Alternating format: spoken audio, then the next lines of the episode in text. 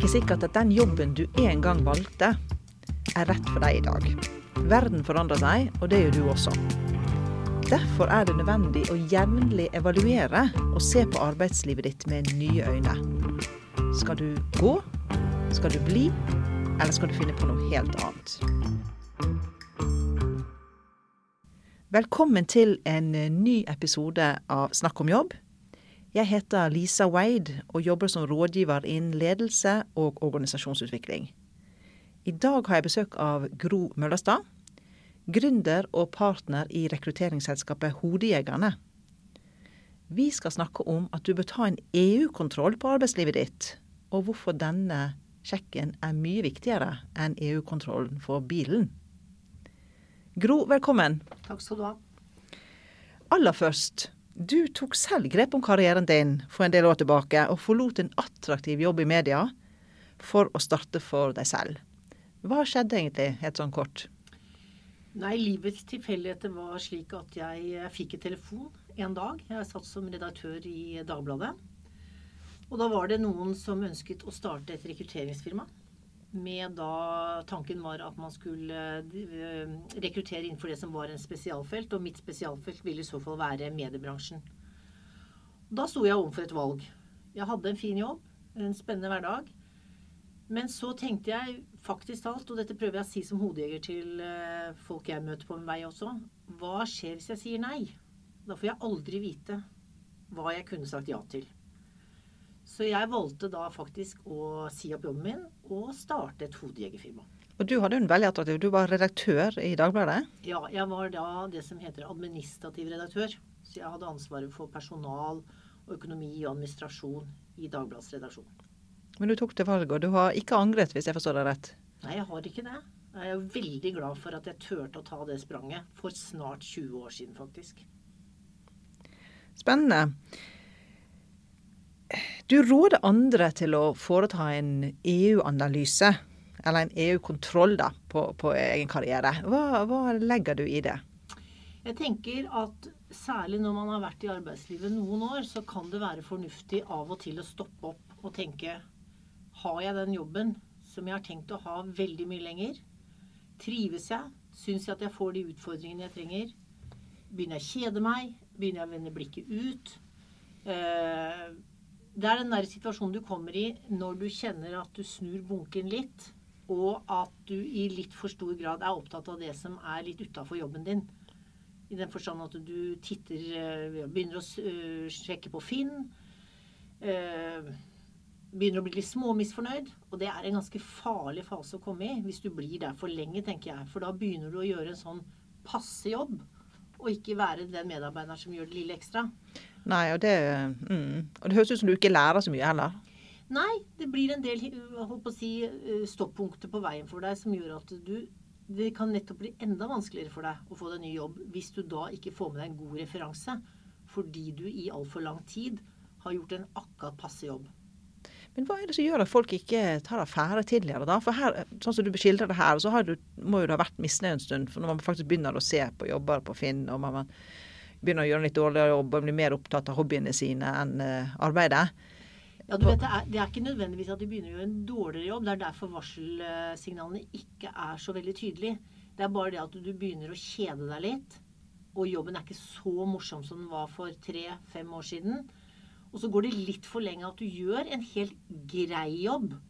Men du er jo veldig avhengig her i et arbeidsmarked som er krevende. Og kanskje har du kommet sånn i karrieren din at du, du skal søke på de jobbene hvor det er beinhard konkurranse.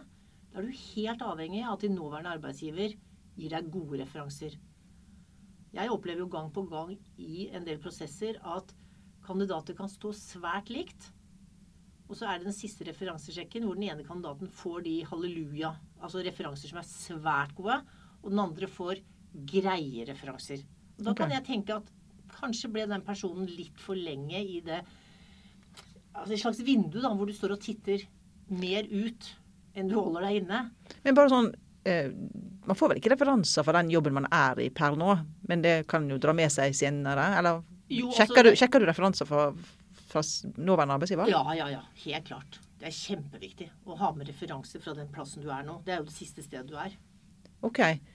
Men eh, Så folk vil at det skal være offentlig at de søker jobb? Nei, men da har vi kommet langt i prosessen. Ja. Da er vi på det stadiet. Punkt én, hvis du snakker med nåværende arbeidsgiver, så vet kandidaten at man er den aktuelle. Ja, okay. Hvis man skal oute det. Det, er, det har jeg stor forståelse for. Men man kan jo finne folk på egen arbeidsplass som man i fortrolighet kan be om å være referanse. Ja. Men det å la være å sjekke referanse på nåværende arbeidssted, det tror jeg noen og hver har oppdaga var veldig dumt. Ja, OK. Så det Ja vel. Så, da, eh, så rett og slett å skjønne at man bør kanskje skifte jobb eller finne på noe annet i god tid før disse signalene kommer. Det Ja, det du før du begynner å, å dabbe ned på, på intensiteten din på arbeidet. Altså du begynner å, å, å surfe litt på det du har gjort om år. Og det merker jo omgivelsene. Ja. Hvis du endrer alt fra å være en veldig dedikert medarbeider Mm. til å bli sånn helt grei, så vil jo folk merke det.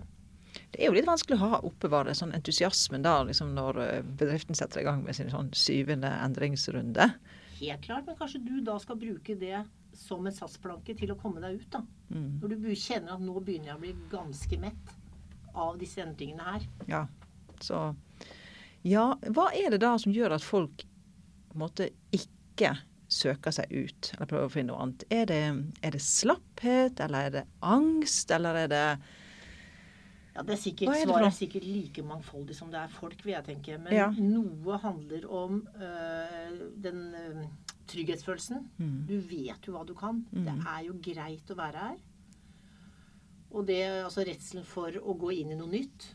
øh, det kan være noe med livssituasjonen som man tenker at akkurat nå har jeg det for strevsomt i livet mitt ellers. Så det er ikke nå jeg skal skifte jobb. Det er jo også helt legitimt. Lønn. Noen opparbeider seg ekstremt høye lønninger tidlig i livet. Ja. Da kan det bli veldig vanskelig å røre på seg hvis man må ned i lønn. Mm. Mm. Så det er lett å stivne litt i det konforme, eller Ja. Så, og det er jo Vi vet jo det at å skifte jobb det innebærer jo en bratt læringskurve, men det innebærer også at man må legge inn liksom eh, det femte giret og noen, kanskje noen litt sånn gode, lange dager. For dette, det er mye å sette seg inn i og. Det er jo det med å skifte jobb. Det er to sider av det. Som du sier, det er å begynne å gå ganske bratt oppover.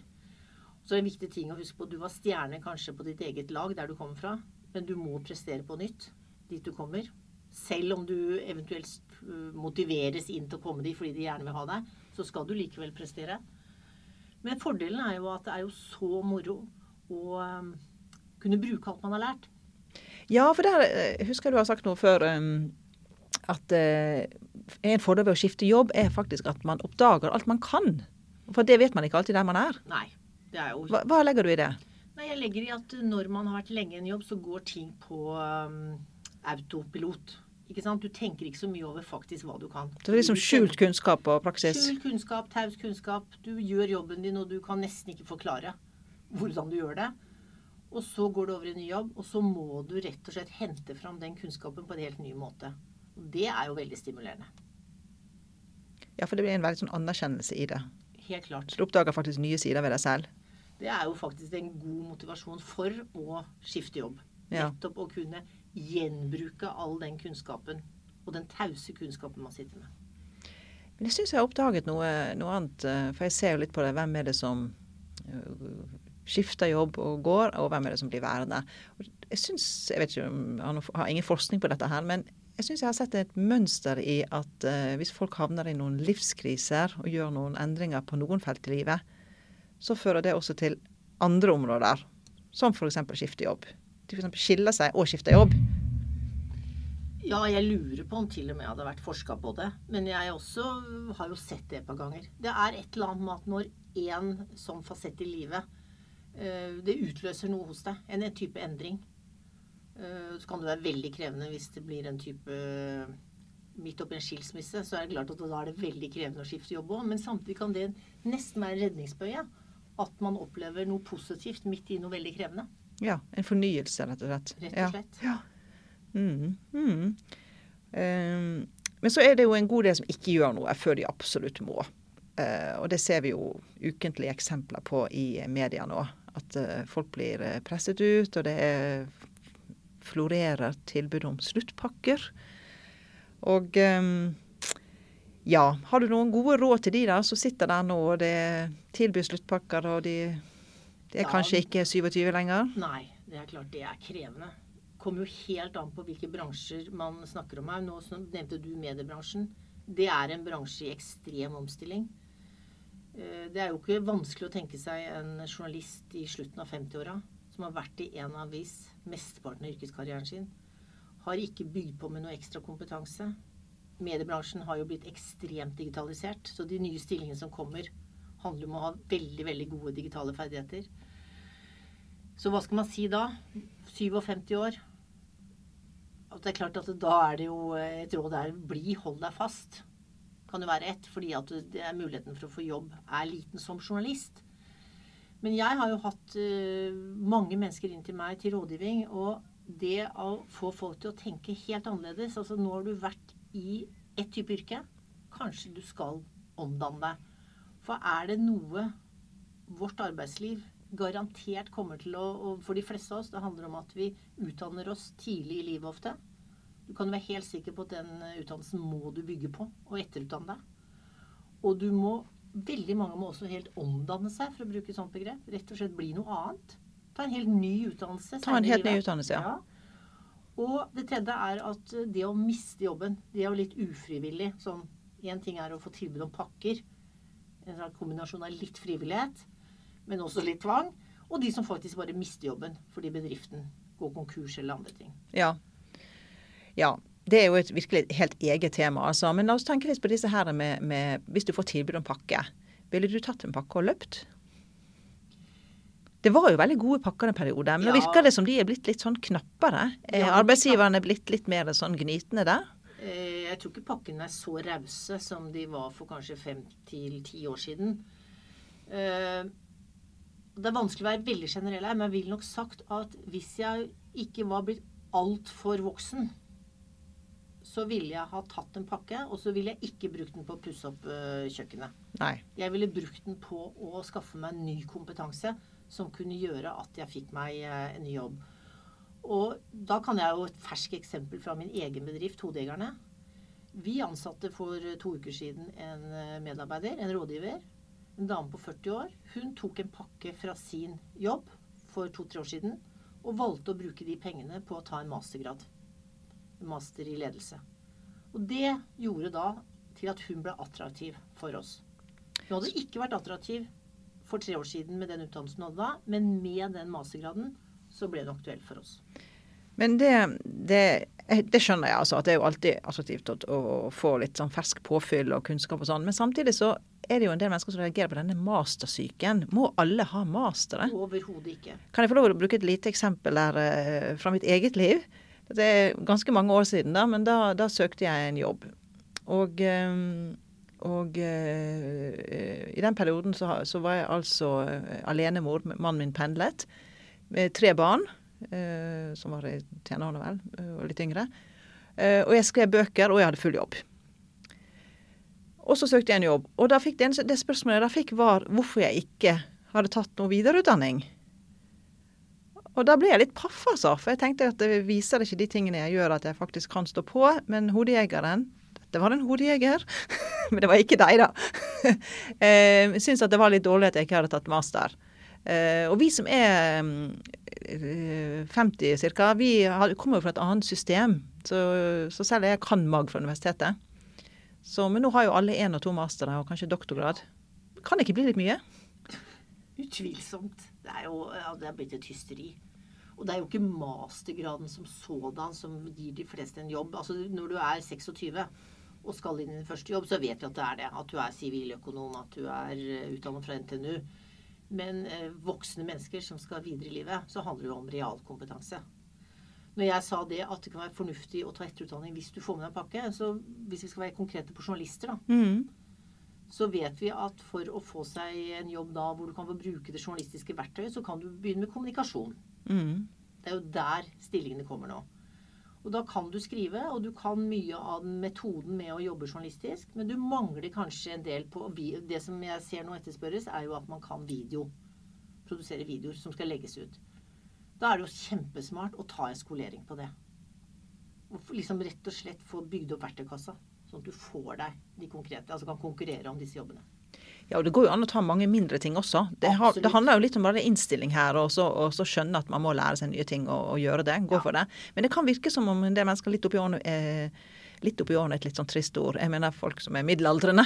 Eh, mister litt selvtillit på et vis. Ja, det er, klart I det å lære. Hvorfor? Ja, det er klart det. Ja. Mm. Men jeg kan bare sånn, akkurat nå så holder jeg på med en prosess hvor eh, en stor kommunal virksomhet og den beste kandidaten som jeg nå gjør alt jeg kan for å motivere, er 64 år.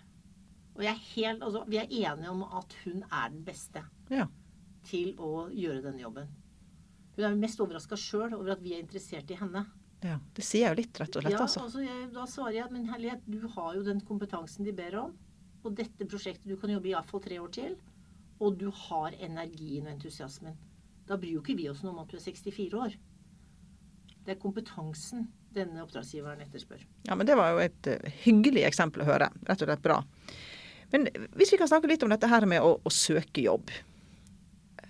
For det, det, det, um, Om man nå er i en jobb allerede, eller om man har gått ut av det eh, og har fått pakke, eller sånn, så det å søke jobb er jo også en ganske stor jobb. Det er jo ikke noe man kan gjøre med venstre hånd. Nei, og det er jo der de veldig mange bommer. Det blir et prosjekt du gjør med venstrehånd. Altså, du er i en jobb, og skal, du tenker deg ut, og så blir den jobbsøkerprosessen noe du gjør ved siden av uten altfor mye dedikasjon og ja, entusiasme, rett og slett. Du, altså det å få seg ny jobb er et skikkelig stort prosjekt. Det er beina jobbing. Og du må være fokusert på at det er dette som er Jeg pleier å si at dette er ditt livsprosjekt akkurat nå. Og det handler jo om å følge godt med og tenke godt gjennom hva slags jobb jeg er interessert i. Og så handler det jo om det å øh, skrive en CV som fungerer. Jobbe med en god søknad. Og er man så heldig å komme til intervju, forberede seg til intervjuene. Alt dette tar tid. Alt dette tar tid, ja. Mm. Og er det, Hvor er det det butter mest i din eh, Er det CV-skrivingen, søknadsbiten? Uh, ja, som er altså, Du kan si at noen uh, bruker jo litt profesjonell hjelp og greier å utforme CV-er som fungerer til det enkelte prosjektet de er inne og søker. Det folk tabber seg ut på, er at de bruker den samme CV-en til alle typer jobber. Ja, så det må tilpasses. Du må, du må lage skreddersøm av CV-en din. Og så slurver folk for mye med søknaden. Den er eh, Altså Det er heller ikke skreddersøm. Av og til tenker jeg denne søknaden her må du ha brukt på flere eh, typer jobber. Og så er det den biten at folk er overraskende lite forberedt når de kommer til intervju. Ikke sant? Du de har merker, ikke sjekket nettsidene, de har ikke satt seg inn og forberedt. De, de har ikke vært og sjekka nettsiden. Eh, du merker rett og slett at dette har de ikke forberedt seg godt nok på. Konkurransen er hard. Og da er det jo en annen som eh, jeg møter som er mye bedre forberedt på alle punkter. Det er klart at da vinner jo den personen. Ja, så det du, du merker stor forskjell der, rett og slett? Ja, ja, ja. ja. Ok, nei, men Det er jo også en annen ting med dette med å søke jobb. Det vil jo, det vil, det vil jo være noen nedturer, for det er jo jobber man ikke får. Ja. Uh, og det det kan jo være selvfølgelig fordi man ikke er godt nok forberedt, men det kan også være at man rett og slett ikke er rett person. At matchen ikke er god nok, da. Ja, det er jo stort sett alle mulige forklaringer på hvorfor folk ikke når helt opp. Det jeg pleier å si til de som er hos meg til rådgivning, det er at, og, og må ha seg en jobb, det er at dette er en prosess som kommer til å ta lengre tid enn det du trives med. Vi vil jo gjerne lykkes på første forsøk. Det skjer aller mest ofte at du ikke gjør det. Noen er heldige og får den første jobben de søker. De fleste må gjennom flere runder. Men det å være i flere runder og ta med seg den erfaringen, det ser jo jeg hjelper. Jeg ser jo folk som jeg har tatt inne i prosesser tredje gangen de er med. For jeg ser jo at de er flinke. Så bryter de målsnøret. Og da er det jo rett og slett at de er blitt flinkere den tredje gangen enn de var den første gangen. Ja, Så det er trening, dette her? Det er Som det meste annet i livet, så er det rett og slett mengdetrening. Ja. Og så må man stå litt i det og ta det som, uh, ta det som en kvinne ja. eller mann. Ja, og ikke miste motet, for det at uh, ting tar tid, og det er mange om beinet. Og det kan også være ting du ikke rår over, som gjør at du ikke når opp. Det er jo de tingene som handler om at vi skulle ha en mann denne gangen i valget mellom uh, kandidatene. De skulle ha en som var uh, litt mer voksen til denne jobben her. Eh, De skulle ha en helt spesifikk kompetanse Ja. når det kommer til stykket. Det er sånne ting du ikke rår over. Men det som folk sier til meg, at uansett, da, hvis de opplever at de fikk det intervjuet, så gir det selvtillit. Bra. Det gir selvtillit, og da kommer man seg videre. OK. Men du, eh, tilbake litt til denne EU-sjekken. For nå har vi snakket litt om forskjellig. Vi har snakket om at eh, du får sluttpakke, og du må søke jobb, eller du ønsker å søke jobb. Men det vi begynte å snakke om, var jo det at du bør egentlig med jevne mellomrom ta en liten sånn kontroll på Ja, jeg er, at hva, er denne jobben riktig for meg der jeg er nå? Ønsker jeg å være her framover? Jeg tror det er fornuftig. Ja. Mm. Du, om det er hvert tredje, fjerde, femte år. Sette seg ned og rett og slett gjøre en vurdering. Lage seg noen kriterier for uh, Har jeg den jobben jeg skal bli en stund til, eller er vi der nå at jeg kanskje skal begynne å vende blikket ut? Uh, får jeg de utfordringene jeg trenger?